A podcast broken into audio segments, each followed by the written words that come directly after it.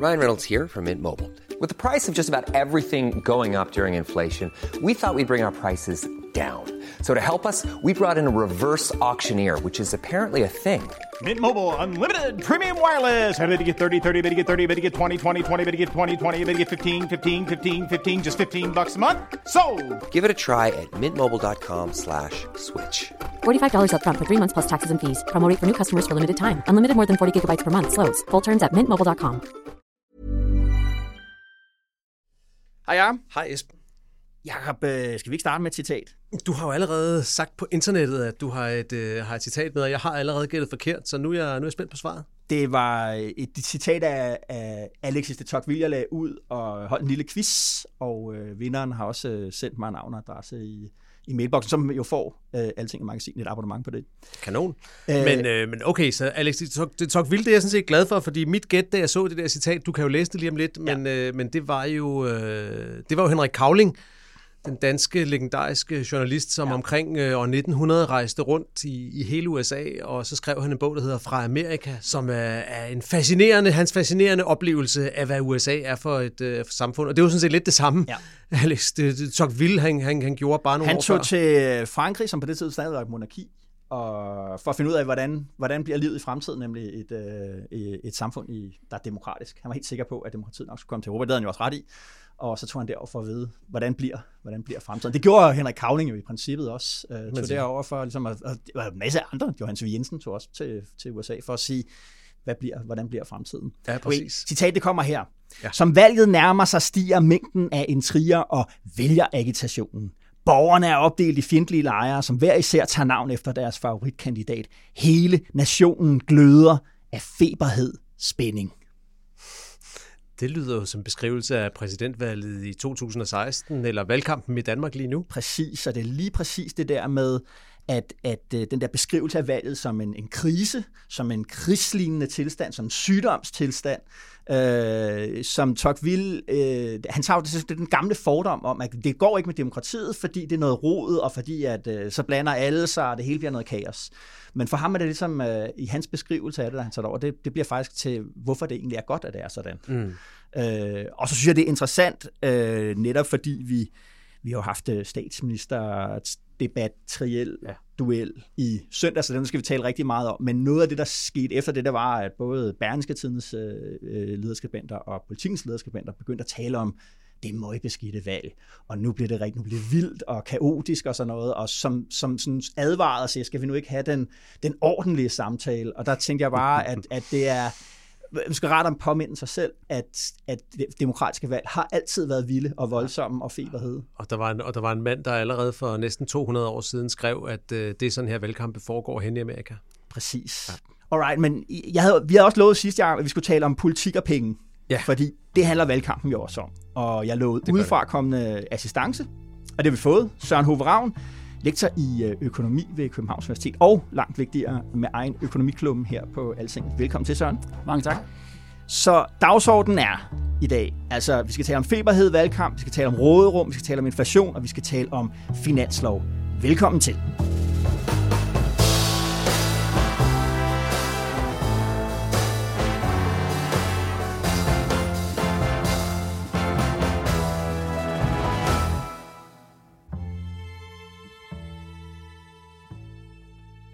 Alright, øh, fluen på, på væggen, Søren, det er jo øh, vores faste øh, tradition. Øh, hvor, hvor vil du gerne have været fluen på væggen henne i, øh, i, i politik?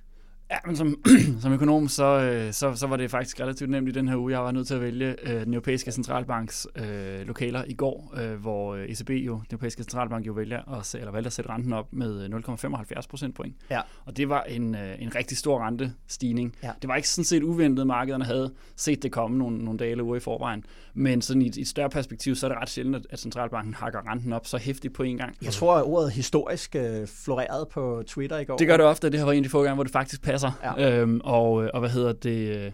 Jeg kunne heller ikke lade være med at se det som en slags lidt en erkendelse af, at de måske er kommet for sent i gang, fordi øh, normalt så kan centralbanker godt lide at, at, at bevæge sig relativt stille og roligt og ja. konservativt, og det vi tænker på det som et, som et stort hangarskib, der skal vendes langsomt.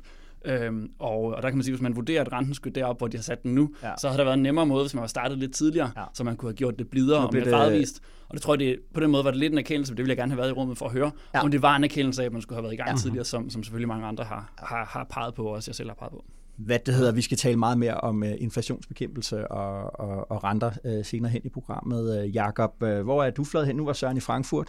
Ja, så er vi tilbage i København, fordi jeg vil godt have, jeg vil godt have været over på, på Københavns Rådhus. Der har jo været, der har været drama på Rådhuset her i, i denne her uge, ja. og det, det kulminerer næsten her, som vi står og, som vi står og optager. Der er indkaldt til pressemøde her kl. 12 fredag med præsentation af, af et budgetforlig i København. Ja og det historiske ved det budgetforlig, det er, det er, ud, det er indgået udenom Socialdemokratiet. Ja. Også udenom SF, men altså udenom Socialdemokraterne, som jo er det historiske magtparti i København. Og øh, har overborgmesterposten. Ja. ja.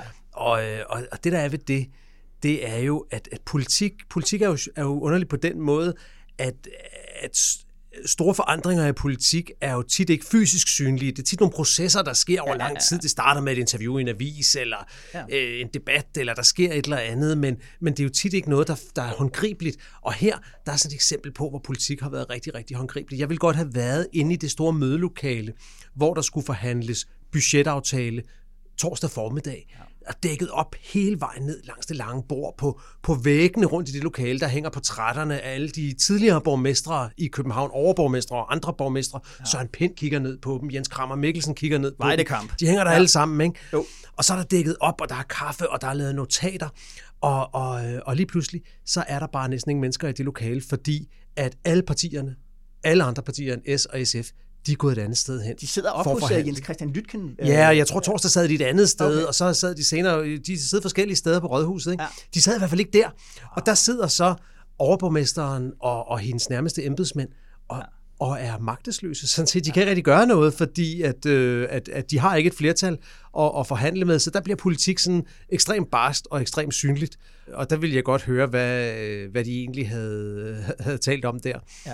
Og, øhm, det er jo et eklatant øh, nederlag til Sofie Hestor. Ja, det, det kommer man ikke udenom. Det er Nej. det der. Det er da et kæmpe nederlag. Det er, det er, overborgmesteren på den måde bliver sat uden for døren. Men jo endnu øh, et kapitel i den der historie om, at Socialdemokratiet har mistet grebet om, øh, om, om de store byer, herunder den største, ja. nemlig København. Ja. Og, og, det, og det synes jeg, det er jo så det, man må sige, jeg ved ikke, om det er til overborgmesterens forsvar, men, men det, man i hvert fald kan sige om det, synes jeg er, at det er måske ikke særlig overraskende sådan set, fordi det er jo en logisk konsekvens af et kommunalvalg, hvor Socialdemokraterne endte med at få 10 ud af borgerrepræsentationens 55 pladser. Så ja. de er aller med god vilje et mellemstort parti i ja. borgerrepræsentationen. De er ikke mere. Mm. Og Enhedslisten blev det kæmpe store parti, men blev kanøflet, ja. for der var ikke nogen, der gad at se dem som overborgmester. De fik godt nok to borgmesterposter som det eneste parti, ja. men, men de fik ikke den overborgmesterpost, som de nok et eller andet sted havde drømt om. Og, og, og nu sidder de der, og, og det her det er deres første rigtige mulighed for at øh, flexe musklerne ja. og sige, hey, her er det os, der bestemmer. Ja. Og det rigtig spændende nu, det bliver selvfølgelig så, om, øh, om københavnerne så siger, fedt, det var det, vi bad om, da vi stemte mm-hmm. på enhedslisten, det var, at de gik ind og tog øh, tøjlerne og øh, sat retningen for kommunen, uden ja. om de der gamle socialdemokrater, ja. eller om københavnerne siger, hov, skattelettelser, det var ikke derfor, vi stemte på, på enhedslisten. Den debat, den lover jeg, at vi kommer til at, at vende tilbage til. Den kommer til at fylde meget i København. Så Københavns politik ja. er med et slag blevet rigtig spændende igen, synes jeg. Ja, fedt. Jamen, øh, hvad det hedder, øh, jeg vil gerne have siddet hjemme hos øh, Søren Vandsø og Simon Merrild, de to. Søren øh, Vandsø og Simon Merrild. Der er nok mange af vores lyttere, der lige skal, ja, selvom de, de to, er faste lyttere, skal hjælpes. chefstrateger i det konservative Folkeparti. Det konservative, okay. Ja. Øh, og jeg vil gerne have været der i, i, i søndags, øh, der godt seks minutter inde i, i debatten, da Mette Frederiksen sagde det der med, at at med Pape som statsminister, så vil vi havne i at skulle fyre 40.000 ansatte i, øh, i, ja. i den offentlige sektor, og at det var noget beregninger fra Finansministeriet, der viste det. Ikke? Jeg kan bare se deres øh, ansigter, øh, og ligesom, og, du ved, se dem, når de ligesom, følelsesmæssigt også oplevede, okay, sådan her er det, når man er i Superligaen. Ja, man det er sådan her, det er, når man stiller op med sin egen stat. Man kunne i hvert fald se på Søren Papes ansigt, at han havde ikke set det komme. Han havde nemlig ikke set det komme. Det skal vi tale, øh, hvad det hedder, øh, øh, meget, mere, øh, meget mere om senere. Ikke? Øh, mm. men, men altså, det, det, det vil jeg bare meget, meget gerne lige have, have, have set det, ja. det øjeblik. Må ikke de var lige så overrasket som ham? 100. Og det er det, vi skal tale om. Ja, fedt. DK er Altingets ugenlige podcast, der udkommer hver fredag. Brug den som del af din analyse af politik og samfund. Abonner på DK hvor du hører dine andre podcasts. Nå, men inden vi når dertil, så skal vi altså til at tale om penge, Søren. Øh, lad, os, øh, lad os gå igennem tre øh, sådan, niveauer her. Jeg synes, vi skal tale om finanslov. Er den stram, er den ikke stram? Jeg synes, vi skal tale om inflation. Hvad gør man? Hvad gør vi? Og så 2030-planen, som, som vi forventer kommer, der er sådan kød på fra, fra regeringen næste uge, mens hvor vi allerede nu kan se, hvor mange penge er der egentlig at rute med de næste, de næste syv år. Okay, altså øh, tingene går rigtig stærkt i politik i øjeblikket, og det virker, så virker sidste uge som sidste år. Men det var altså i sidste uge, at finansministeren sagde sådan her. Derfor er det nu tid til at lette foden for speederen. Regeringen lægger derfor op til en strammere finanslov, som bidrager til et balanceret opsving. Ja, så en strammere finanslov for 2023. Er den det? Stram. Den er i hvert fald strammere rå, ja. som, som Varmen siger. Ja. Øh, om den er stram er sådan lidt en, en, en, en gradbøjning, ikke? Øh, jo. Altså den her, det, det, der er værd at hæfte sig ved, som jeg også, øh, som jeg også øh, var fremme med i, i medierne, i nogle medier i hvert fald i sidste uge, det er, at den stramning, der ligger, der ikke er en stramning i finansloven, og det, ja. det, det må man, så på den måde er det jo en strammere finanslov end foråret før. Det man kan sige, det er, at den stramning kommer stort set udelukkende fra, at der er øh, corona, midlertidige coronatiltag, som ikke længere vil være der. Ja. Og det er de, jeg lige vil sige, selvfølgelig ikke, fordi selvfølgelig får virksomhederne ikke øh, corona-kompensation, når de ikke er nedlukket. Øh, og, og der bliver heller ikke udbetalt feriepenge en gang mere. Øh, så det er på den måde, øh, kaldte jeg lidt for automatiske stramninger i den forstand, at, at det, giver, det modsatte synspunkt giver på en eller anden måde ikke rigtig mening, Nej. at man skulle... Hvordan er den så, hvis man renser for det? Jamen, sådan, sådan, sådan, undskyld, sådan, øh, sådan i hovedtræk neutral.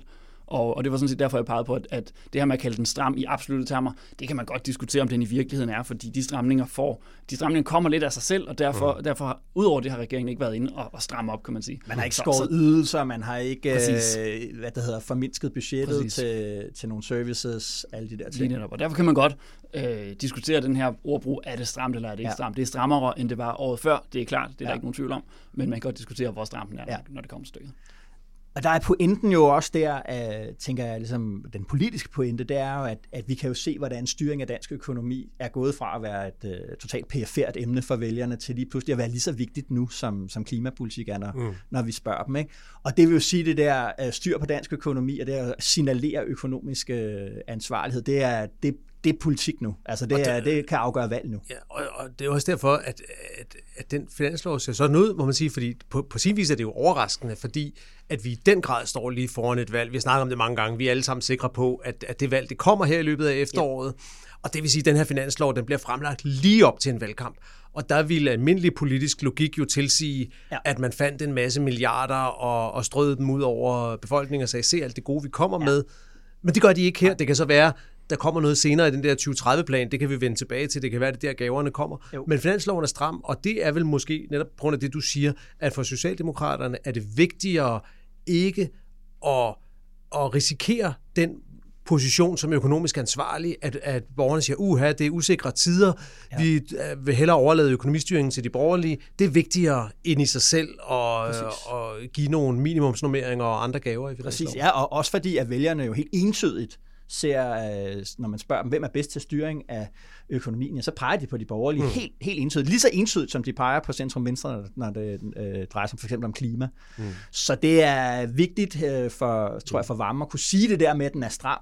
For det er sjovt, hvor længe sådan noget hænger en, ved. Øh, en buffer ind, en, en blokerer for, for, for, at de borgerlige kan bruge det som fordele. Ja det, det, det, det, det er tankevækkende, hvor længe sådan noget hænger ved. Ikke? Fordi hvis vi kigger på dansk politik over de sidste tre årtier, altså ja. altså efter at Poul Nyrup blev, blev, blev statsminister, så der er jo ikke så et rent savligt belæg for at sige, at borgerlige regeringer fører en mere ansvarlig økonomisk politik end socialdemokratisk ledet regeringer. Man kan være uenig om detaljerne, men altså må, måske næsten tværtimod, vil nogen måske sige. Ja, ja, og altså det, hvad der hedder, øh, jeg lavede for, for et par år siden et interview med Bjarne Korydon, hvor han fortalte om, hvordan der var, var at være i Socialdemokratiet som konsulent under Mogens Lykketoft. Ikke? Altså de, han sagde, at vi fik det tæsket ind morgen og aften. Ja.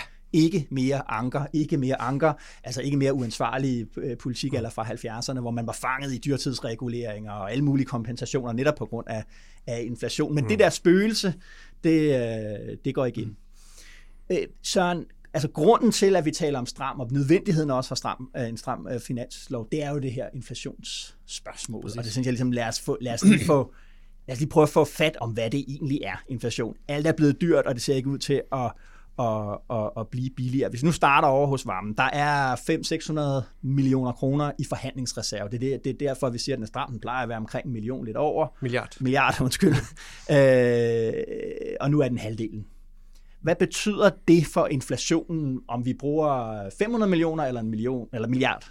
I sig selv betyder det ikke det helt store. Det er ikke, det er ikke sådan set den, den direkte effekt. Altså, det er selvfølgelig mange penge, men, men vi skal huske, at altså, BNP er 2500 milliarder, bare lige for at tage et andet tal ind i, i perspektivet her. Ja. Øh, så det er ikke de der, øh, den der halve milliard, der, der kan man sige, der gør den store forskel, så den direkte. Nej. Øh, når det er vigtigt, at, at, at øh, finansloven og, og finanspolitikken i det hele taget ikke, ikke sådan skubber yderligere, eller bliver, bliver for lempeligere, man kan sige det på den måde, så er det også et spørgsmål om at, at, at, at sørge for, at, at, at vi ikke i Danmark puffer yderligere til den inflation, der, der er kommet udefra, mm-hmm. og også at vi ikke puffer til inflationsforventningerne ja. øh, herhjemme. Altså det her med, at, at øh, bilder vi hinanden ind, at vi kan kompensere hinanden for, for inflationen, og vi kan kompensere alle, ja. og, og hver gang det ene stiger, så stiger, så får jeg en eller anden form for kompensation. Nævnte dyrtidsregulering før, som jo var en automatisk ting i 70'erne. Ja. Det var uhensigtsmæssigt. Jo tættere vi kommer på noget, der er automatisk, ja. og jo bredere det bliver, jo mere risikabelt er det også i forhold til det her med, at det for eksempel sætter sig inflationsforventningerne. Mm.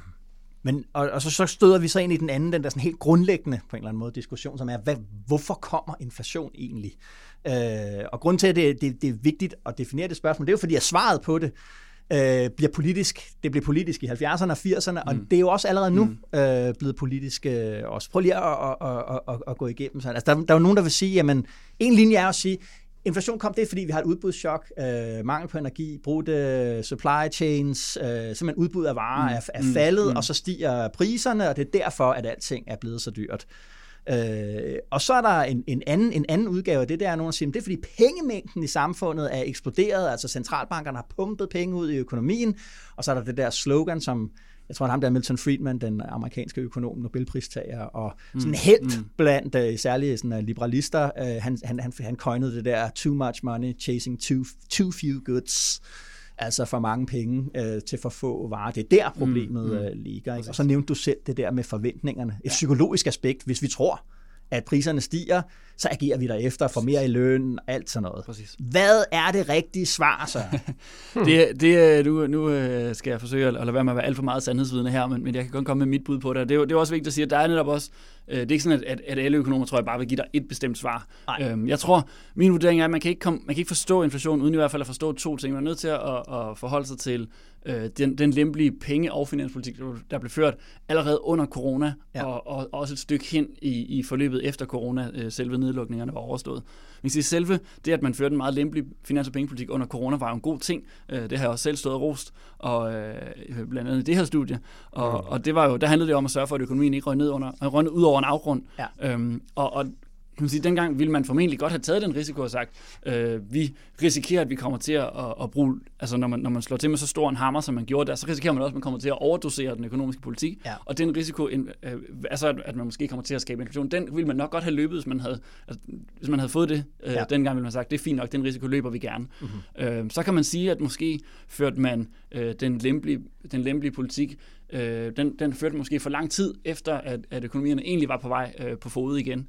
Ja. Øhm, nu talte jeg før om, at ECB måske havde været for lang tid om at få strammet pengepolitikken, og det, det mener jeg faktisk, at de har, mm-hmm. øhm, og fået, fået vendt fra at føre en meget lempelig finans, mm. øh, undskyld, pengepolitik, og til at føre nu en, en, en pengepolitik, der bliver strammet. Og det der lempelige, ikke lempelige pengepolitik, altså det har jo netop gøre noget med renten. Altså hvor dyre Præcis. er penge Præcis. og lån, og, og hvor meget får du for at lade dem blive på din bankkonto. Præcis, og det her med, at de har lavet de her meget store opkøbsprogrammer, som de også har taget lang tid om at få udfaset den her gang. Opkøb øhm, af, af, af alle mulige former ja. for værdi papir nærmest. Ja, ja, ja. Øhm, og, øh, og det, har, det, det har helt klart spillet en væsentlig rolle. Altså man har ført den her lempelige pengepolitik og, og finanspolitik, øh, både i Europa, i USA, i Danmark. Ja. Øhm, det er, det er for mig at se umuligt at komme udenom det som en væsentlig forklaring af, hvorfor inflationen er høj. Ja. Det er også umuligt at komme udenom den anden del af det, som var det, du lidt var inde på, udbudschokket. Altså det her med, at, at der simpelthen er nogle energipriser, nogle råvarepriser, som bare er steget rigtig, rigtig meget. Ja. Og det spiller selvfølgelig også ind, og det, det, det synes jeg også er, er fjollet at benægte. Altså det, det, det, det har også en rolle at spille. Ja. Så for mig at se, at de to, øh, sådan de to hovedforklaringer til det, ja. så har jeg så har jeg svært, jeg, jeg kan for mig selv godt øh, retfærdiggør, at der formentlig også er en rolle at spille for de her, den her snak, der var om brudte supply chains, brudte, hvad hedder noget, produktionsforsyningskæder, ja. øh, lige i, i slutningen, eller under og i slutningen af nedlukningerne. Ja. Øhm, at det nok også har spillet en rolle.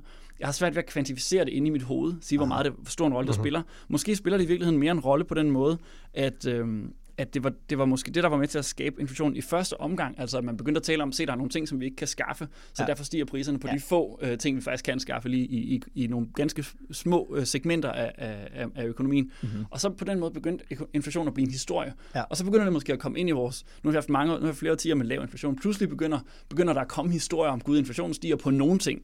Ja. Øh, og, og, og det var måske medvirkende til, at, at forventningerne stille og roligt begynder at blive hov. Inflation kan faktisk også være noget, vi kan, vi kan opleve igen. Ja. Øhm, men jeg har svært ved lige at, at sætte en finger på, hvor vigtig er den her sidste øh, øh, kanal. Men det er for mig at se de tre hovedkanaler, man mm. tage fat i. Det, det, der gør inflationen politisk så, ja. det, det er jo også meget interessant, for det, det er jo især presset fra, fra befolkningen, for man kan sige, hovedparten af, af statens udgifter, i hvert fald en velfærdsstat som den danske, sådan den alt overvejende udgiftspost, det er lønninger til, til offentligt ansatte, og de stiger jo ikke automatisk med inflationen. Der er netop ikke dyrtidsregulering eller andre ting, så de stiger først, når der bliver forhandlet en overenskomst, og ja. man får nogle flere penge i posen, og man får som regel meget mindre, end man, øh, man ønsker sig. Men det, der stiger, ja. det er selvfølgelig presset på, hov, når øh, nogle af de lavestlønnede pludselig får tredobbelte elregninger eller, eller, eller andet. Det er det, det politiske pres stiger på, på, på at reagere på, på inflationen. Og har allerede gjort det med, med det der loft på husleje, altså hvor meget de må stige. Præcis. Loft på husleje og den der meget kaotiske varmesjek, som så åbenbart er røget ud til, til ja. temmelig random gruppe af, af, af mennesker. Øhm, Præcis, og det der er mit point, er det her med, at det er ikke, det er ikke nødvendigvis den enkelte, det er ikke den enkelte halve eller hele milliard, der bliver givet ud, der, der vælter læsset. Det er heller ikke nødvendigvis den enkelte, om det så er en varmesjek eller hvad det nu, hvad det nu hedder, det enkelte kompensationstiltag. Men, men, men risikoen kan være, at det samlede billede kan gøre, at, man, at vi begynder at komme ind i den her idé om, at vi kan, vi kan hele tiden blive kompenseret. Der kommer hele tiden en ny kompensationsordning. Hvis der, hvis der er noget nyt, der stiger, så skal vi også kompenseres for det. Og det er det, der kan sætte sig i forventningerne, men, kan man frygte. Men, det, okay, men prøv lige, at, prøv lige at høre, altså, altså, jeg er holdt op med at købe ting. Altså, jeg køber tre ting. Jeg køber skjorter, jeg køber bøger, og jeg køber udstyr til min racercykel. Ikke? Og det er stoppet med. Altså, jeg var, jeg var i Rafas butik i går, og jeg købte ikke den vest, der ellers havde været helt perfekt til lige nu, og som ser helt vildt flot ud, når den flager bagved, når man kører. Hvorfor er det ikke nok, at priserne stiger, at vi, at vi så holder forbruget nede? Hvorfor er det ikke nok til at sige, at så falder aktiviteten i økonomien, og så er det så, så hvad kan man sige, så øh, annullerer inflationsstigningerne mm, mm. ligesom sig selv over tid. Hvorfor er det ikke nok? Den effekt vil vi også se. Øh, men man kan sige, at centralbankerne, både i USA i første gang og, og i lidt længere tid i, i Europa, har jo på en eller anden måde også håbet på, at det præcis ville ske, det som du sagde. Nemlig, Aha. at når inflationen kommer op, så, så, så blandt andet på grund af den effekt, du lige beskrev, også af andre årsager, at så, så holder den på en eller anden tid, den, den stopper af sig selv. Ja. Det var lidt det, man håbede på i USA, og så, spillede den samme, så blev den samme film spillet i Europa med sådan 6-8-9 måneders øh, forsinkelse, hvor også centralbanken var lang tid om at komme i gang med at, at få strammet pengepolitikken, fordi man håbede, at det gik over af sig selv, og fordi det selvfølgelig kan være ubehageligt at skulle stramme øh, pengepolitikken, også i en situation med den usikkerhed, der er, som, som vi også har, har talt om andre gange. Okay. Øhm, og derfor håbede man, at det ville gå over af sig selv, men man kan sige, nu, nu går den ligesom bare ikke længere. Inflationen er, er 9%, den europæiske centralbank har en inflationsmålsætning på 2%, ja. øh, så, så nu kan man ikke rigtig sidde det overhørt. Nu bliver man nødt til også at gøre noget andet, som skal trække inflationen. Fordi ellers sker der hvad? Jamen, fordi hvis, jo længere tid inflationen får lov til at være høj, jo større er risikoen for, at den også bliver selvforstærkende, fordi øh, så vil der være flere og flere mennesker, der skal, som du var inde på før, Jacob, skal, skal genforhandle, der overenskomster, der skal genforhandles, mm-hmm. øh, hvor, hvor, øh, hvor arbejdstager siden vil bære det ind til forhandlingsbordet og sige, nu er priserne altså steget så og så meget i så og så lang tid, der er ikke noget tegn på, at de kommer ned, så nu skal vores, øh, vores medarbejdere kompenseres med en højere lønstigning. Og så er det, det er klart, hvis, den, hvis så stiger lønningerne, men så stiger jo også virksomhedens omkostninger, så bliver de nødt til at sætte priserne yderligere op, og så får vi den der negative spiral. Mm. Eller så risikerer vi i hvert fald at få den. Så det er det, der er, ligesom er, er det, man forsøger Og så sker der hvad?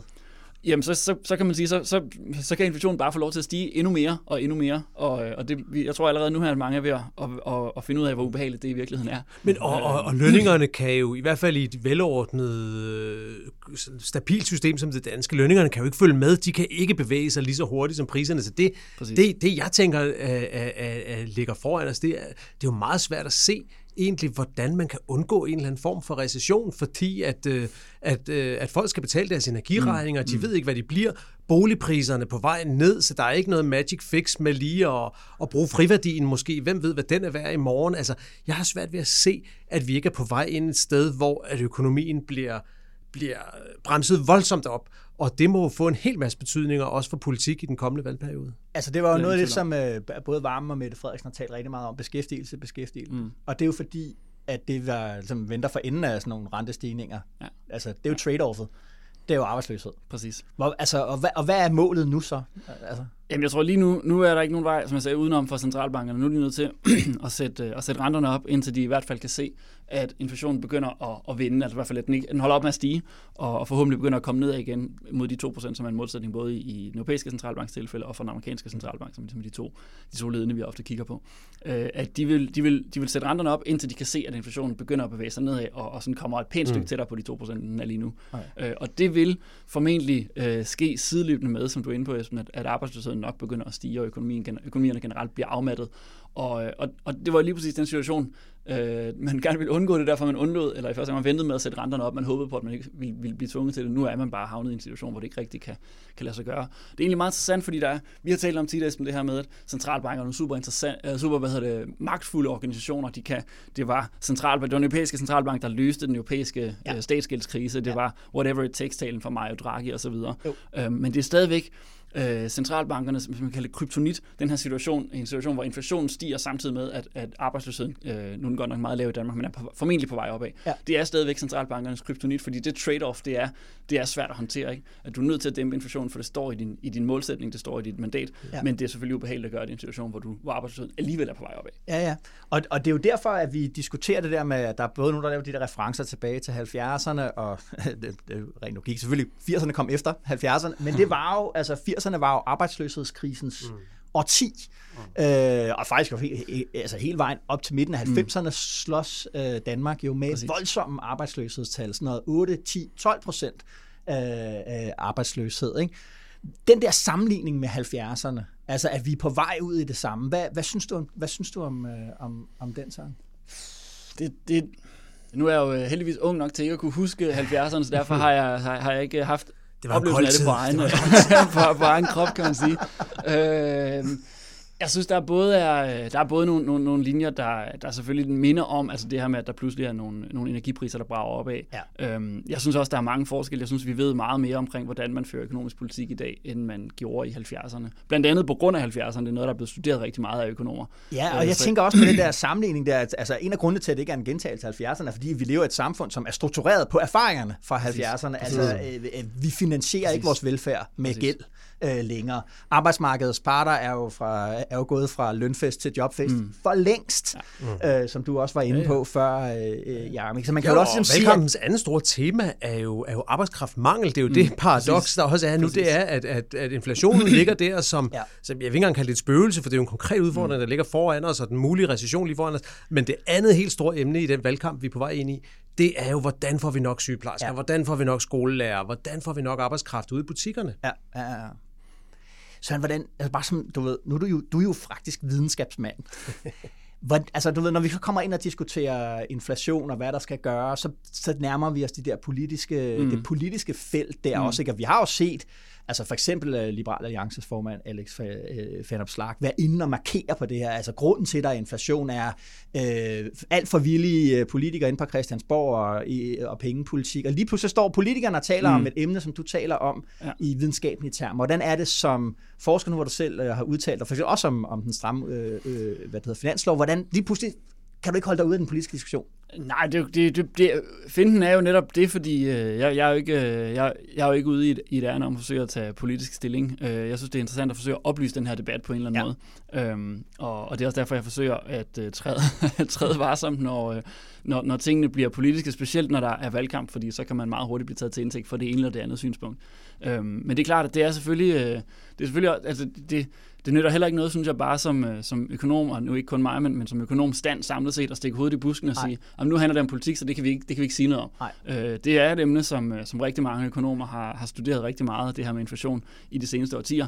Øh, så, så vi er på en eller anden måde også nødt til at, at, at bidrage med ja. øh, noget viden. Når, ja, ja, altså i hvert fald, eller bringe den i spil, og, der, og, og, og på den måde jo også nogle gange... Øh, synes, at, eller for, for, for, at nogen synes, at man er irriterende. Men der er jo sådan ligesom, at, du ved, de borgerlige siger ligesom, at politi- altså, politik er i virkeligheden økonomi, og økonomi er en videnskab, så der er faktisk en formel ud bag, hvor vi kan regne ud, hvad det er, vi skal gøre. Og omvendt er der et venstreorienteret udgave, der siger, at økonomi er i virkeligheden ikke en videnskab, men politik også i hvert fald. Ikke? Så det er jo et krydsfelt at, at stå i som, som ekspert, og så ringer Præcis. sådan nogen som Jakob og mig og, og siger, hvad er svaret? Ikke? Hvorfor er der inflation, Præcis. og kan vi godt lave kompensation og alt det der? Ikke? Præcis, og jeg tror, man skal Altså, jeg tror, man skal være forsigtig med at sige, at alt er, øh, at alt er sat på formel. Altså, det er det, det, er det selvfølgelig i, i de... Øh, når jeg går tilbage på mit kontor, så arbejder jeg med, med nogle modeller, hvor alt rent faktisk er sat på formel. Ja.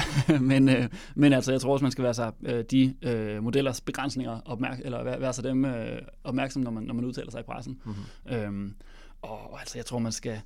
Øh, tror, man skal være forsigtig med det her med, og jeg, jeg siger jo ikke, at, at på nogen måde, at hvis vi bare strammer finanspolitikken i Danmark, så går inflationen væk. Øh, jeg tror meget, rigtig meget af den inflation, det var også det, jeg var inde på før, men hvor kommer den fra? Det er jo, det er jo dybest set forklaringer, der kommer udefra. Ja. Øh, meget af det i hvert fald. Altså, øh, finan, hvad hedder det, pengepolitikken er jo heller ikke noget, vi bestemmer her i Danmark. Det er jo, vi har fastkurspolitik, så det er jo den europæiske centralbanks pengepolitik, vi importerer. Ja. Øhm, så derfor gør jeg mig ingen illusion om, at den stramme finanspolitik ville bringe inflationen ned. Ja. Øh, det, er, det er slet ikke det, der var mit, mit, øh, mit budskab. Tværtimod vil jeg forsøge at bare sige, at, at man skal passe på med ikke at føre en finanspolitik, der påfører inflationen yderligere op, og altså, altså gør tingene værre, end det i forvejen er. Mm-hmm. Jeg synes, noget, der er rigtig interessant at snakke om nu, det er så den der, nu er der fremlagt en finanslov, og vi ved, at regeringen ligger, og, og Finansministeriets regnedrenge ligger på, på, på regeringens vegne og bakser med den her. Dels med en Danmark kan mere plan med nogle reformer, det er en ting. Jeg tror, det bliver en del af valgkampen. Ja. Og det gør det andet også, de bakser med den her 2030-plan. Ja. Og det er jo de her fremskrivninger fremskrivninger af økonomien, som vi har kendt, kendt igennem mange årtier, ja. hvor man ligesom skriver økonomien 10, 15, 20 år frem, hvor meget den nu er, ja. og indregner, hvad er vores forventede offentlige indtægter, hvad vi kan se i form af, hvor stor arbejdsstyrken er, og hvad er vores forventede offentlige udgifter, hvor mange pensionister har vi, hvor mange vuggestuebørn har vi osv. osv. Og så prøver man at skrive frem. Ja. Og hvis man så kan se, at de fremtidige indtægter ser ud til at være større end de fremtidige udgifter, så har man det, man kalder et råderum. Det er, er, det, er det sådan nogenlunde... Det er en meget præcis beskrivelse, faktisk. tak, det er økonomisk Søren forklarede mig det i går, da jeg ringede til ham, det lød præcis sådan der. Nå, fedt mand. Ja. Ej, nu bliver jeg stolt. Men det, jeg vil sige med det, det er, at den sidder de her bakser med at skrive ja. frem til 2030. Hvad har vi af råderum? Og der synes jeg, noget af det politisk interessante, det er, altså, det har jo været relativt enkelt, undskyld jeg siger det, i, i de sidste måske to årtier at lave dem der, fordi økonomien har været så ekstremt stabil mm. på mange måder. Men kan man overhovedet lave 2030-planer i en økonomi, der er på vej ud i tumult, og store omvæltninger, kæmpe inflation, måske recession. Og nu kigger jeg over på dig, Søren. Det, hvad, altså, det, kan man det, planen skal vi overhovedet, skal vi overhovedet tage den alvorligt, når den kommer? Altså det hjælper faktisk lidt, at man skal helt frem til 2030, fordi øh, så lægger Finansministeriet jo det ind, at der er økonomiens, der er den aktuelle konjunktursituation nok blevet stabiliseret igen. Øh, det er okay. selvfølgelig også usikkert, det er der selvfølgelig ikke ja. nogen garanti for, at det er tilfældet. Men det, man lægger ind, det, det lægger ind her, er, at, at, at øh, konjunktursituationen normaliseres i løbet af og en 3-4 år, tror jeg, det er. Jeg kan ikke huske det præcise, men, men, men frem imod 2030, og så de sidste år op imod 2030, der er vi i en stabil, neutral konjunktursituation. Og det er jo fordi, at den 2030-plan er jo ikke, det er jo ikke en, frem, det er jo ikke, det er ikke en prognose, det er vigtigt at sige. Det er ikke, det er ikke Finansministeriets bud på, hvad der kommer til at ske for dansk økonomi. Det er en, en, en, øh, en, en fremskrivning, hvor man siger, hvis vi er fra, fra et eller andet år op mod 2030, og så frem efter der i en nogenlunde neutral konjunktursituation, hvordan ser de offentlige finanser så ud? Ikke dermed sagt, at vi nok er i en, i en neutral konjunktursituation fra mm. 2000 og det var 27 og frem. Mm. Øh, det er vi selvfølgelig ikke. Men, men vi ved jo ikke, altså der er det sådan lidt, your guess is as good as mine. Er der højkonjunktur eller lavkonjunktur i 2030? Det ved vi ikke nu. Så derfor siger man, lad os antage, at der er en neutral konjunktursituation. Hvordan ser tingene så ud? Altså sådan lidt en slags gennemsnitsbetragtning. Okay. øhm, og, og det er det, man gør, når man, når man, når man laver den her fremskrivning. Så skal man selvfølgelig have et, et, øh, en, hvad skal man sige, en tilpasning fra den situation, vi har nu, og hen imod den her mm. neutrale konjunktursituation. Men hvis nu jeg var borgerlig, hvis nu jeg var borgerlig politiker, vil jeg så, øh, vil jeg så sådan uden at, uden at, uden at, at gøre alt for meget vold på sandheden, kunne gå ud og angribe 2030-planen og sige, prøv at høre, det her, det er jo udtryk for overoptimisme og et udtryk for, at de bare tror, at verden bliver ved med at være, som den er. Vi er nødt til at være meget mere forsigtige. Det rådrum på, på 20 eller 40 milliarder, som I taler om nu, det, det vil være helt uansvarligt at begynde at, at, at, at bruge løs af det. Der er ingen tvivl om, at der er naturligt usikkerhed i de her fremskrivninger. Det, det øh, synes jeg, man skal lade være med at benægte, fordi, og det gør Finansministeriet i øvrigt heller ikke. Nej. Uh, selvfølgelig Nej. er det usikkert, når man skriver ting frem til 2030. Det ligger i, i sagens natur, spørgsmålets natur. Um, men jeg synes ikke, at det er, uh, når, man, når man har det her sådan mellemlang sigt på, synes jeg ikke nødvendigvis, det er mere usikkert nu, end det har været andre gange. Og, og jeg synes ikke, man kan sige, at så kan man, man kan godt vælge et forsigtighedsprincip og sige, lad os, lad os vente med at bruge pengene, til de, til de rent faktisk er i kassen. Men, men det her med at sætte sig ned og sige, at rådrummet er sådan cirka i den her størrelse, det synes jeg er en fornuftig øvelse at gøre. Det sætter en, øh, en spilleplade op for, hvad, er finans, hvad de finanspolitiske rammer i de kommende øh, syv år bliver det. Mm. Og, øh, og det synes jeg er det fornuftige at gøre. Og jeg synes, så kan man diskutere, øh, man, man kan sagtens flytte de her tal lidt og sige, nu er rådrummet opgjort til 48 milliarder. Det skal man bestemme. Det, det kunne lige så godt være det så 47 eller 49. Ja, ja. Det, det er der slet ikke nogen tvivl om. Men jeg synes, det er fint at gøre det på den måde, og jeg synes ikke, der er basis for at sige, at det er nærmere det halve eller sådan et eller andet, fordi mm. på den måde er det, er det, det er den måde, man nu ikke engang regner på i Men det er ikke et præcis værktøj, men det er det bedste, vi har. Ja, det er det, og det er også den måde, man regner på, når de borgerlige har Finansministeriet. Mm. Det her er jo, som du selv var inde på, en tradition, som man har haft. Jeg tror, den første var 2005-planen, i 1997, yep. 1997 udkom den. Ja. Øh, og, og det, har, det vil sige, derfor har der jo været, under skiftende regeringer af skiftende øh, politikere observans, har der været en tradition for, at man laver de her. Ja. Og det gør man i store træk på samme måde. Der kan altid files nogle hjørner her og der, men i store træk, så er det omtrent. Så, så nu ligger vi der, og man siger, okay, der er et, et, øh, et finanspolitisk råderum på 48 milliarder kroner. Frem mod 2030. Frem mod 2030. Altså det vil sige et akkumuleret. Yes, præcis. År for år lagt oven i hinanden kommer man op på, på, på 48 det, altså, hvad kan man sige, et finanspolitisk rådrum er jo, er jo også et, man kan slet det der finans og sige, det er et politisk rådrum. Det er, hvor meget politik kan du lave, hvor meget ny politik kan du købe, så at sige. Ikke? Hvor, mange, hvor, mange, hvor, mange, hvor meget politik har vi, har vi råd til, så havde han sagt. Jamen, man skal huske, den måde, nu var du inde på det før, Jacob, hvordan det bliver opgjort. Altså måden, de opgør det på, det er sådan set, man siger, lige præcis som du siger, hvilke indtægter har vi, og hvilke udgifter har vi, men hvor man, hvor man holder det, der hedder det offentlige forbrug fast. Det vil sige, man, øh, det er rigtigt, så man lægger stadigvæk ind, for eksempel folkepension og alle de her ting, overførsler, men så holder man det offentlige forbrug fast og siger, øh, hvis nu at det offentlige forbrug ikke vokser, altså hvis man kører nulvækst, ikke sådan i kroner og øre, men i, i købekraftstermer, så altså det offentlige forbrug hvor lov at stige med, med pris- og lønudvikling, men heller ikke mere end det så er det, du får det der med, at så stiger indtægterne mere end, end udgifterne, fordi du holder i hvert fald den her del af udgifterne fast. Og det er så det råderum, og det vokser ligesom jo længere du skriver frem. Øhm, og, øh, og, og, men det betyder så også, at rådrummet øh, jo så indbefatter, at man så starter fra ingen offentlig forbrugsvækst i, i reelle termer. Og det er selvfølgelig ikke det, som vi hørte i hvert fald de fleste politikere sige.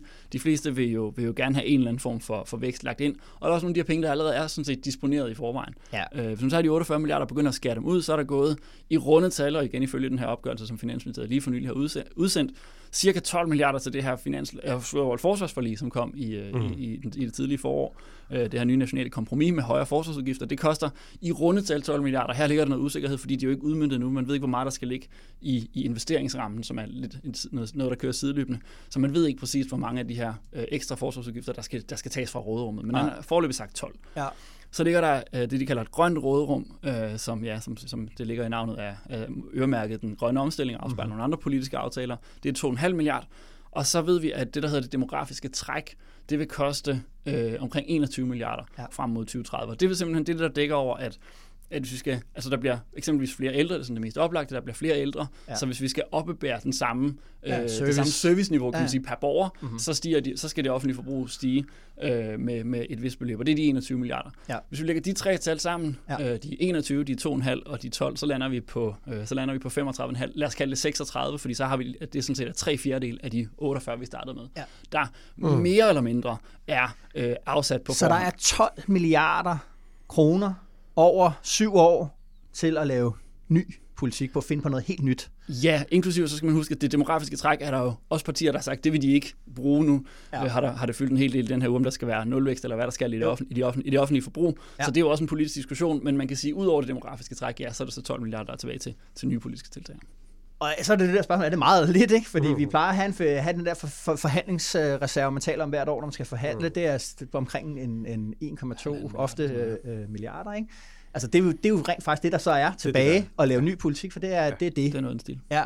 Hvad, hvad tænker du, Søren, sådan, uh, som økonom der? Hvad, be, hvad betyder det politisk set? Jeg tror, det kommer til at betyde, at politikerne vil, vil finde, at, uh, at pengene ikke slår til til det, de gerne vil. Og det tror jeg sådan set, uanset om de bliver blå eller røde regeringer, der kommer til at sidde i den her periode. Måske kommer det til at sidde begge to fra, fra nu af frem mod 2030. Who knows?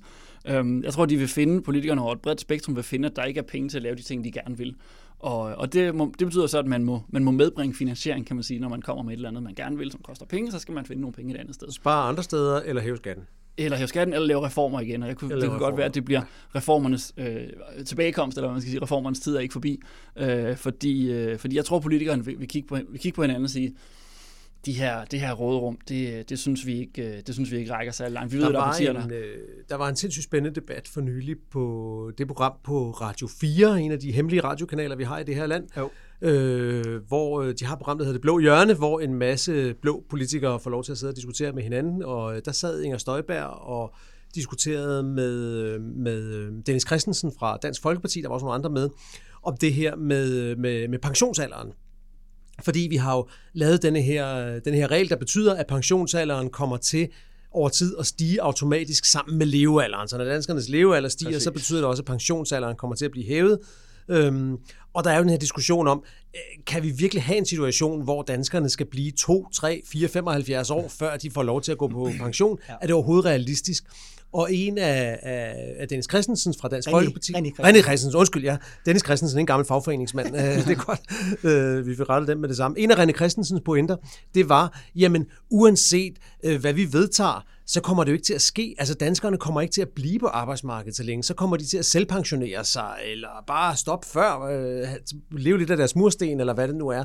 Og, og dermed er han jo inde og røre ved, om finansieringen af det råderum, vi allerede står og taler om, om det overhovedet findes mm. i virkeligheden. Fordi det bygger jo på nogle antagelser, som lige skal gå i opfyldelse først. Ja. Præcis, og det, det er helt rigtigt, og det, og det får faktisk, øh, det vil også få konsekvenser for det, vi, på, når man regner endnu længere frem, så udregner man den, det, der hedder den finanspolitiske holdbarhed, som i virkeligheden er, hvor man tager det rigtig lange lys på, ikke bare til 2030, men, men, men nærmest til 2100, og siger, at finanspolitikken holdbar i det rigtig lange løb.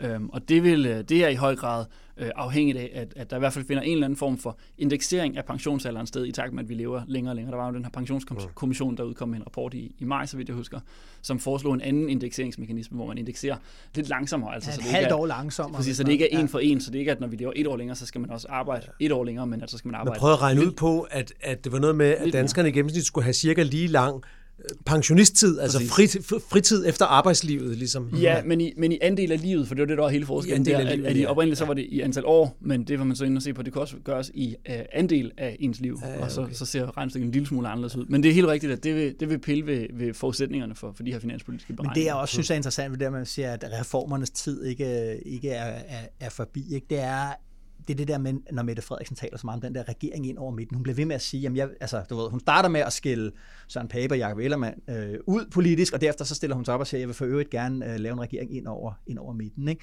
Hvorfor gør hun det? Og jeg tror, at det, der er selvfølgelig en grund til det, det er, at de sidder og tænker på, jamen der kan opstå en parlamentarisk situation efter et valg, hvor der ikke er anden mulighed, hvis du vil lave en regering, end at lave den ind over midten, og så har man ligesom sagt til sig selv over Socialdemokratiet, at vi skal være dem, der er kravlet mindst højt op i træet, fordi dem, der kommer hurtigst ned, er dem, der får statsministerposten nok. Ikke? Men noget andet er jo det der. Det er at sige, at vi kommer i en situation her nu, de næste fem år, de næste syv mm. år, hvor vi skal lave reformer, og de reformer, dem skal, vi, dem skal vi lave ind over midten. Altså vi skal frakoble os dele af vores parlamentariske grundlag på, på, på mm. øh, og så kan vi havne i sådan nogle scenarier, som vi var vant til fra 11 til 15, hvor enhedslisten blev meget sure på, på Socialdemokratiet. Ikke? Men det tror jeg bare, det er der du ret i, men de, men de reformer, tror jeg, Socialdemokraterne altid har været og vil være parat til at lave, uanset hvem der er deres parlamentariske grundlag. Der har de sådan set altid været ja. meget pragmatiske eller kyniske, eller hvordan man ser på det. jo. Så jeg tror også, jeg, når jeg hører den der melding om regeringen over midten, så læser jeg det meget også som en mere kortsigtet taktisk ting, der handler om, at hverken radikale eller Socialdemokratiet har tænkt sig at have endnu en valgkamp, hvor Lars Løkke får lov til at rejse med den der alene. Nej. Han skal ikke være den eneste medicinmand, der står ude på prærien og sælger den der mirakeldrik. Mm-hmm. Der er de altså flere, der ja. sælger den, og, og det, så jeg tror meget også, det, det handler om, at, øh, at det der over midten, det er blevet sådan en trylleord, som alle skal kunne sige. Men uanset hvad, ikke? Ja. så tænker jeg ligesom, altså Mette Frederiksen øh, agerer stadigvæk som om, at hun vinder næste valg. det gør hun.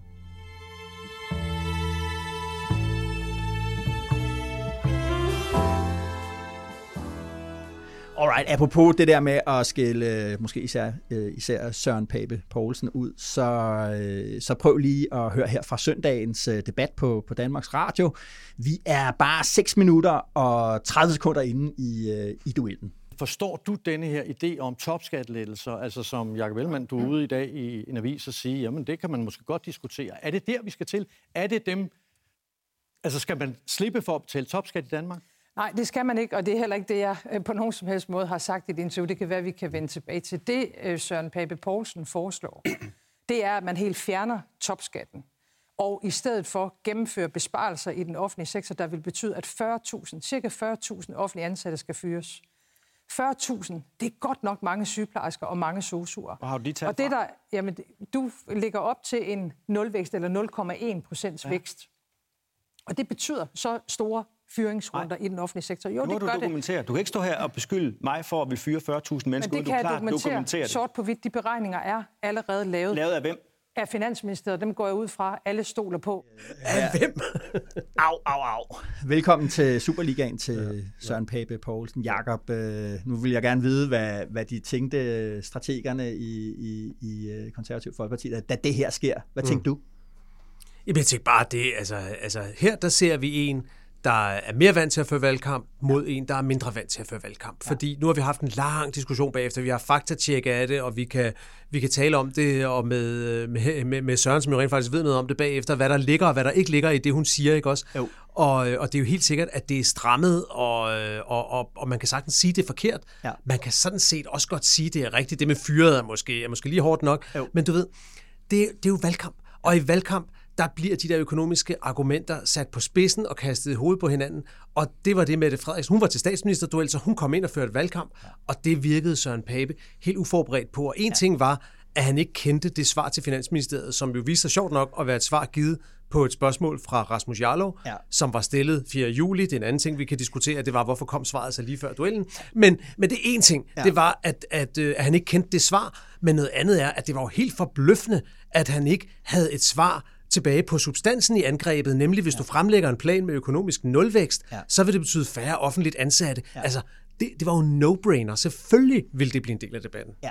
Men, er det ikke helt vildt, at han ikke var forberedt på det? 100 procent. Altså, jeg var også, øh, så også tænkt, det, det, det, det, altså, når du foreslår det der, Øh, han, han, altså, altså, han erklærer sig som statsministerkandidat på baggrund af en skatteplan. En ægte borgerlig politik. Mørkeblå økonomisk borgerlig politik, det har man planlagt efter og gjort med vilje, og man har gjort det for at erobre en masse borgerlige vælgere.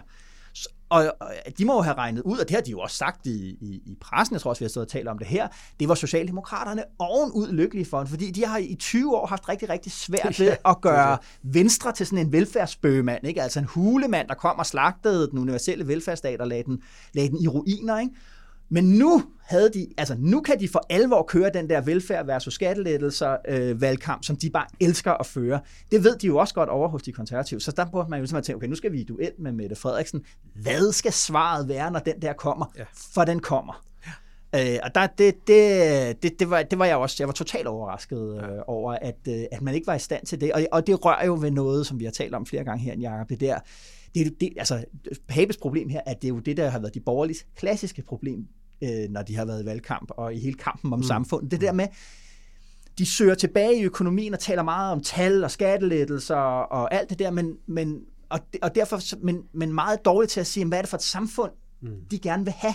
De kan ikke male et billede af et samfund, og, og så, så ligesom sige, kan du kan sige til vælgerne, kan I godt lide det her samfund? Der var et andet interview, der var et interview. Ja, måske, ja, det, det, er bare sådan, som du ved, det er jo lettere for folk til at sige, jamen jeg vil gerne ind i det der samfund, du, du, du ja. tegner op der. Okay, fedt, nu skal du høre, hvad, hvordan vi kommer derhen, og så kan man komme med sine skatte. De ja. vender den om, og så står ja. de og taler om midler, til et mål, som de ikke kan definere, og når du ikke kan definere dit mål, så overlader du det til modstanderen at definere det, og så har du problemer. Og den modsatte strategi, det er jo Pernille Vermund. Hun var på besøg hos øh, Søren Lippert her i, i denne her uge, og var ude i noget af det samme. Hun vil jo også gerne bremse den offentlige vækst. Ja. Og hvad så med alle de der færre offentligt ansatte? Og, og hun gjorde jo ikke ligesom Søren Pape og benægtede det. Hun sagde, jamen det er rigtigt, kan man da sagtens. Hvor, ja. sagde Søren Lippert så? Ja. Og så sagde hun, jamen hun kunne starte med de 10.000 ansatte i jobcentrene. Jeg ved ikke, om der er 10.000 ansatte der, men det var hendes antagelse. Ja. Dem kunne man fyre alle sammen. Så er ja. de væk, fordi jobcentrene fungerer ikke sådan noget, de skal bare væk alle sammen. Ja. Så sagde Søren Lippert, jamen det er 10.000, det er, der er stadigvæk langt op til 40.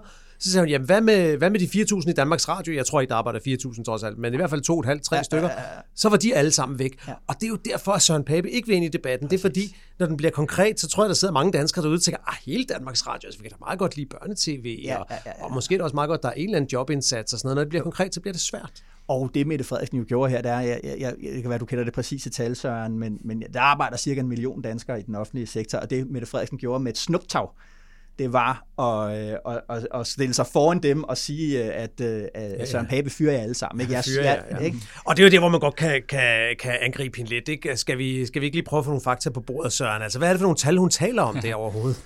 Der har været, vi har lavet rigtig mange tal op i, i, i debatten sidenhen, og øh, man, skal holde, man skal holde tungen lige i munden, hvis man skal følge den, og, og øh, man skal også... Øh, igen, apropos vi talte om før, så tror jeg også, man skal træde varsomt for ikke at blive, øh, at blive slået i hardcore med enten den ene eller den anden lejr. Ja, ja. Øh, først så så det jo lidt ud til, at konservative ligesom havde fået, fået øh, drevet det lidt tilbage, det der tal, fordi Øh, fordi det, hun, det, som den her udregning faktisk var baseret på, var nulvækst, og det, som de konservative egentlig har foreslået, var en vækst på 0,13 procent i det offentlige forbrug. Det, det er jo ikke nul, så derfor kommer man til et andet tal. Jeg tror, tallet så i så fald var 33.000. Ja. Og det var så ligesom, i første omgang så det ud til, at de konservative ligesom havde fået gendrevet, det faktisk var, var det, der, der, var, der var det rigtige tal.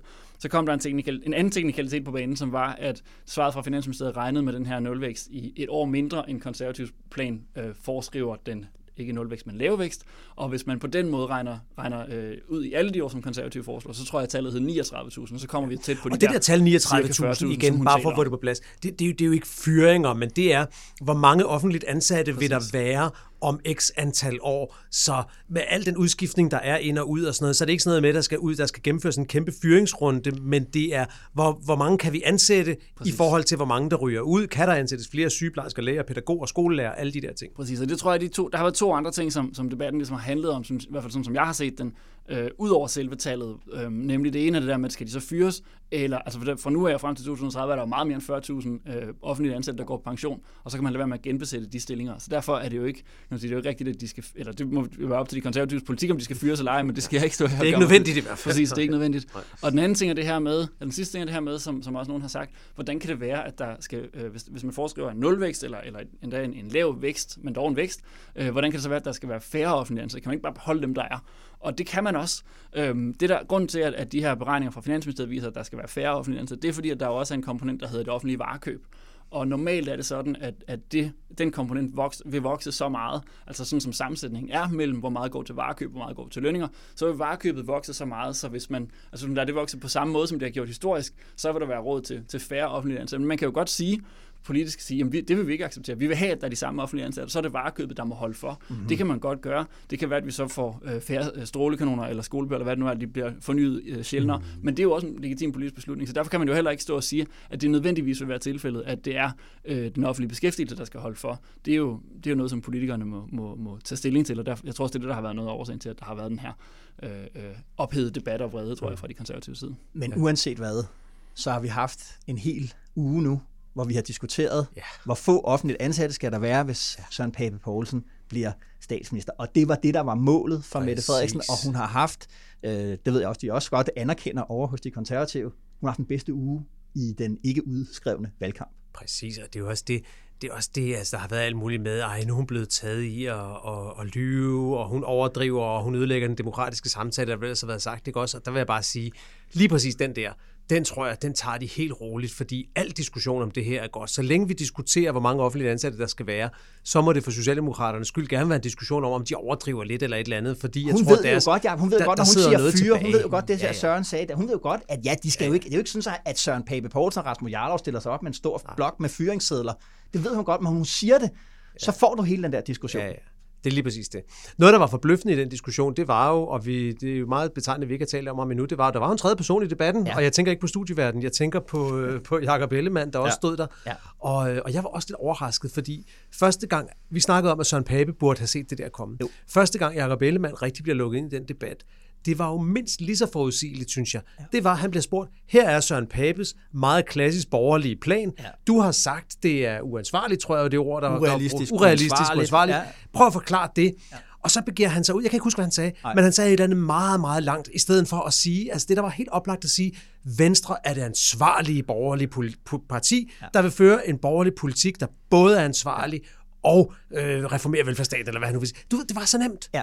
Men, men der tror jeg, at en del af historien der, Jacob, også er, at han går meget hårdt ud i politikken, hvor han går ud og siger de ting, Ja, vi stod ja. og talte om før. Og jeg tror, han i løbet af, jeg tror det var om lørdagen, han var ude og sige det, og så øh, hen der til øh, over 24-36 timer, øh, måske har fortrudt lidt, at det blev så hårdt øh, sagt. Ikke? Fordi det, som Venstre står og vakler imellem i deres strategi mm. her, det er, Jamen, altså, de ved jo godt, at hvis, hvis de udløser den her hanekamp med de konservative, som der helt sikkert er kræfter øh, inde i den enkelte en- ven- venstremand og inde i partiet, der gerne vil, fordi de opfatter sig selv som det store mm. borgerlige parti, og det er os, der skal være statsministerpartiet osv. Ja. Ja.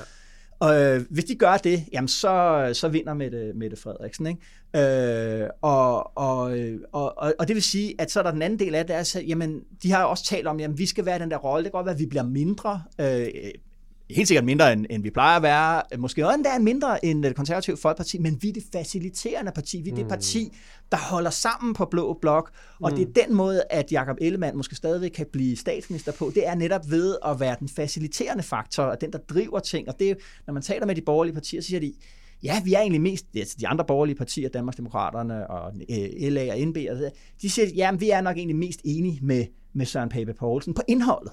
Men når det drejer sig om det der med at drive politik, så har vi stadig stor tillid til, øh, til, til Venstres øh, kapacitet.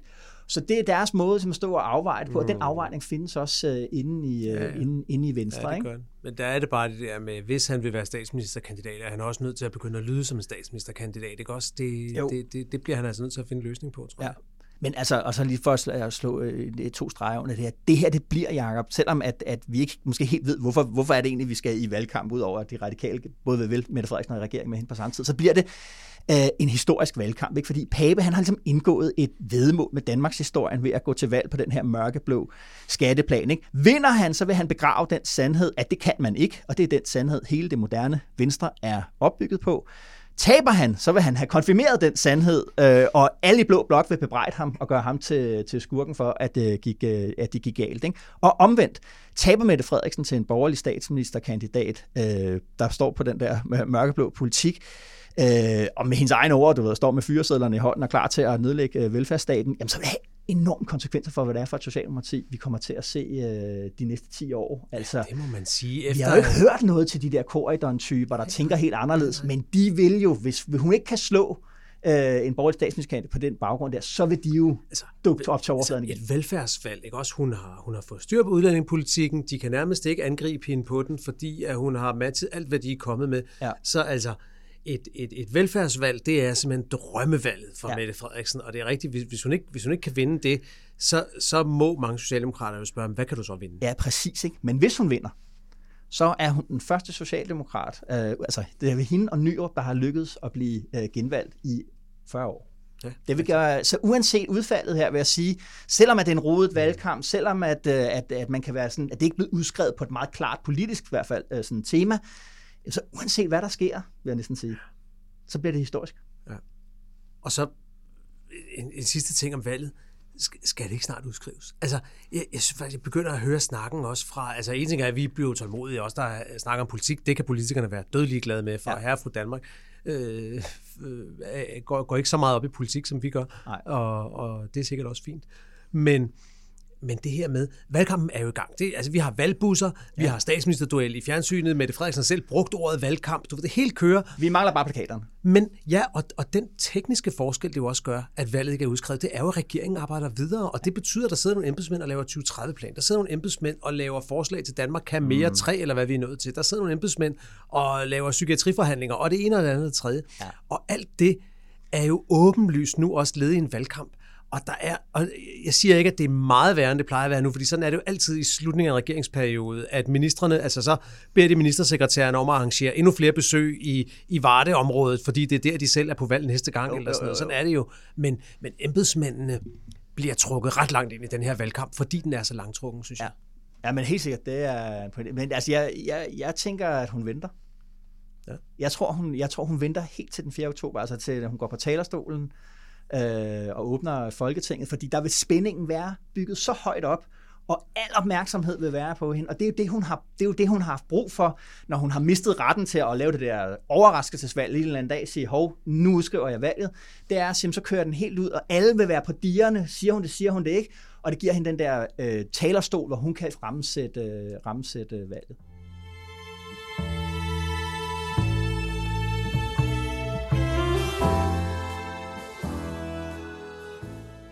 Alrighty, to. Søren, hvad står weekenden på? Jeg har sendt min hustru til London, så øh, jeg er alene far her i weekenden så jeg ved godt, hvad jeg skal lave. Det lyder hyggeligt.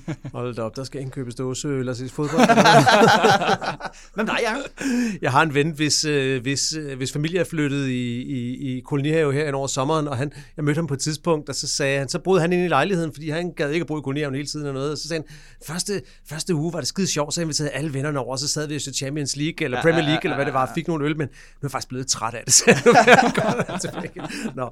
Men apropos kolonihave, jamen min weekend, det er en trist og sørgelig weekend, fordi at det, det er nok den her weekend, hvor vi flytter tilbage fra kolonihaven ind i byen, så Upside er, at DKP-lytterne slipper for at høre min kolonihave i nogle jo. måneder frem, men øhm, jo, siger du. Men øh, ja, det er, det er det, der skal ske. Ja. Og hvad med dig? Jamen, øh, jeg skal ud på sæsonens sidste øh, cykelløb. Det er jo det. Søndag det er, det. er der et, øh, et løvfaldsløb, som man plejer at kalde det. Øh, 130 km på, på Sjælland. Det er det, jeg skal lave. Okay, det lyder også meget ret. Vi skal have anbefalinger.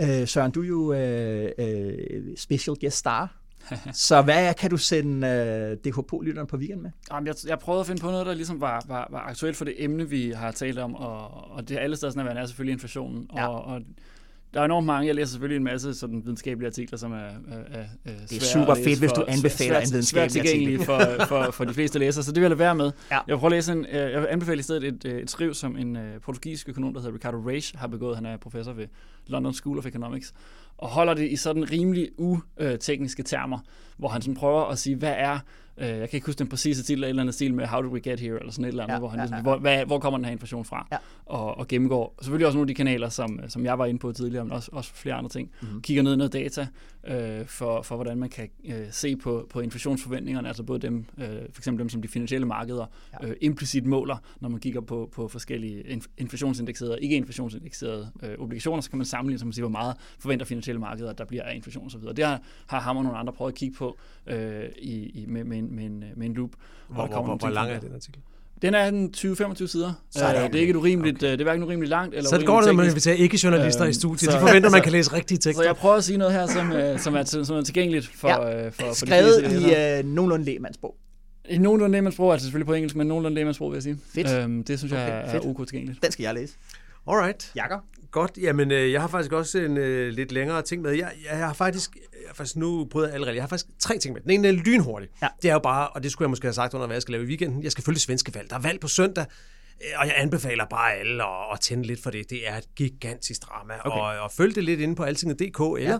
tune ind på altinget SE, vores svenske søstermedie. De, øh, de dækker det, og de har nogle, nogle rigtig gode ting på det, som er, som er til at gå til. Men ellers så vil jeg faktisk tage os til Ukraine i mine anbefalinger. Og jeg har sådan to tekster. Ja. En gammel tekst og en helt frisk tekst, tekst, som taler meget sjovt til hinanden om det der Ukraine. Det var ja. fordi, at der var en ven her i ugen, som, øh, som beskæftiger sig meget tæt med, med, med Ukraine, som sendte mig øh, en gammel George Orwell-tekst. Aha. Et essay, som George Orwell skrev i 1942, det vil sige selvfølgelig mm. midt under 2. verdenskrig, Aha. og øh, et, et læserbrev, kan man næsten kalde det, en kommentar Jo. i et, øh, i et uh, tidsskrift, der hed Partisan Review, mm-hmm. sådan et venstreorienteret tidsskrift. Og der skrev øh, George Orwell øh, under overskriften Pacifism and the War.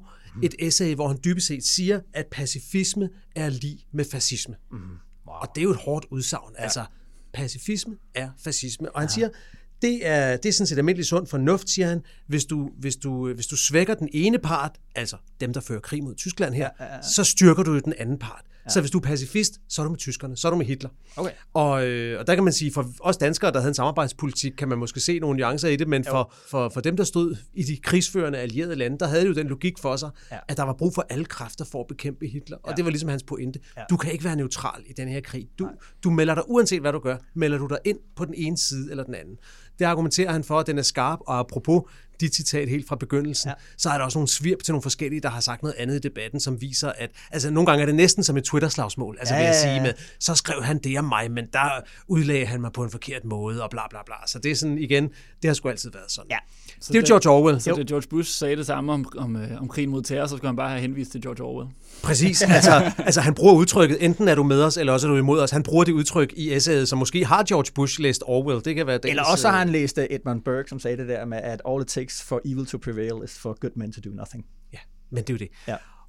Og det peger sig frem mod en helt aktuel tekst, som, øh, som jeg er halvvejs igennem, så jeg har ikke læst den færdig, men det er det, jeg skal, når vi er færdige med den her optagelse, og jeg, jeg synes, at alle andre også skal gøre det. Og det er jo den engelske, tror jeg, han er, øh, historiker og store Ukraine-kender, Timothy Snyder, som vi også har talt om flere gange her i podcasten, som jo lige har udgivet et, ja. øh, et stort essay i Foreign Policy. Foreign Affairs. Foreign Affairs, undskyld, var det, var det din anbefaling, eller hvad? Ja, jeg har den også med.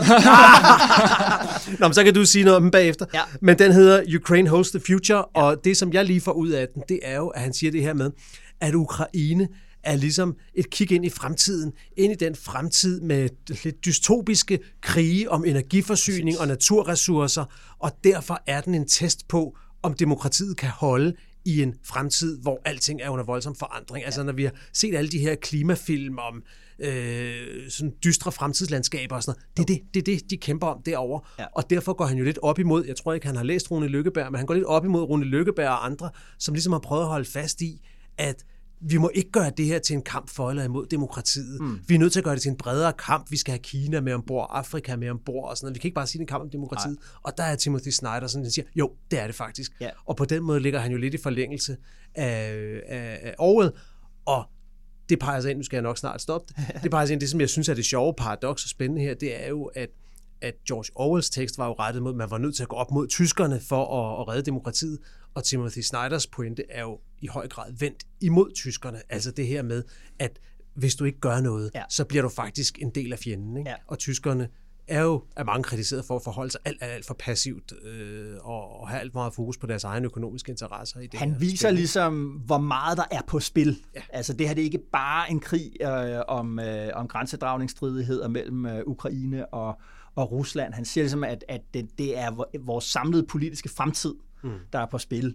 Øh, altså hvorvidt demokratierne ikke bare kan være demokratier indadtil, men jo lige så meget, om de kan være handlekraftige over for globale øh, problemer øh, på, på, på længere sigt. Jeg synes også, den er Altså, det er jo en voldsom, øh, altså, det, er sådan klassisk, det, sådan, øh, det er en analyse, som også er et, et kampskrift. Ja, lige præcis. Øh, og, øh, og, og det synes jeg gør den, øh, det, det gør den jo meget speciel øh, at, at, at læse, ikke? fordi det, den er både meget kølig i sin analyse, men også, altså, der banker et, et, øh, et, et meget, meget øh, pulserende hjerte øh, derinde mm. for, for Ukrainekrigen. Den er meget inciterende, synes jeg, den der tekst. Så den ja. anbefaler jeg også. Fedt. Fedt. Jamen, øh, Søren og Jakob, øh, tak for den her gang, Søren. Tak fordi du kom. Tak for invitationen. Ja, tak for besøget, det var super. Og vi ses i, øh, på næste fredag. Ja. Det gør vi da. Ja. Og, også, og så skal vi altså... Så, så, så skal vi bare... Så skal vi tale svensk valg. Så skal bare tale det svenske valg, ja, altså. Ja. Så øh, det, det, nu har du udsat det længe nok.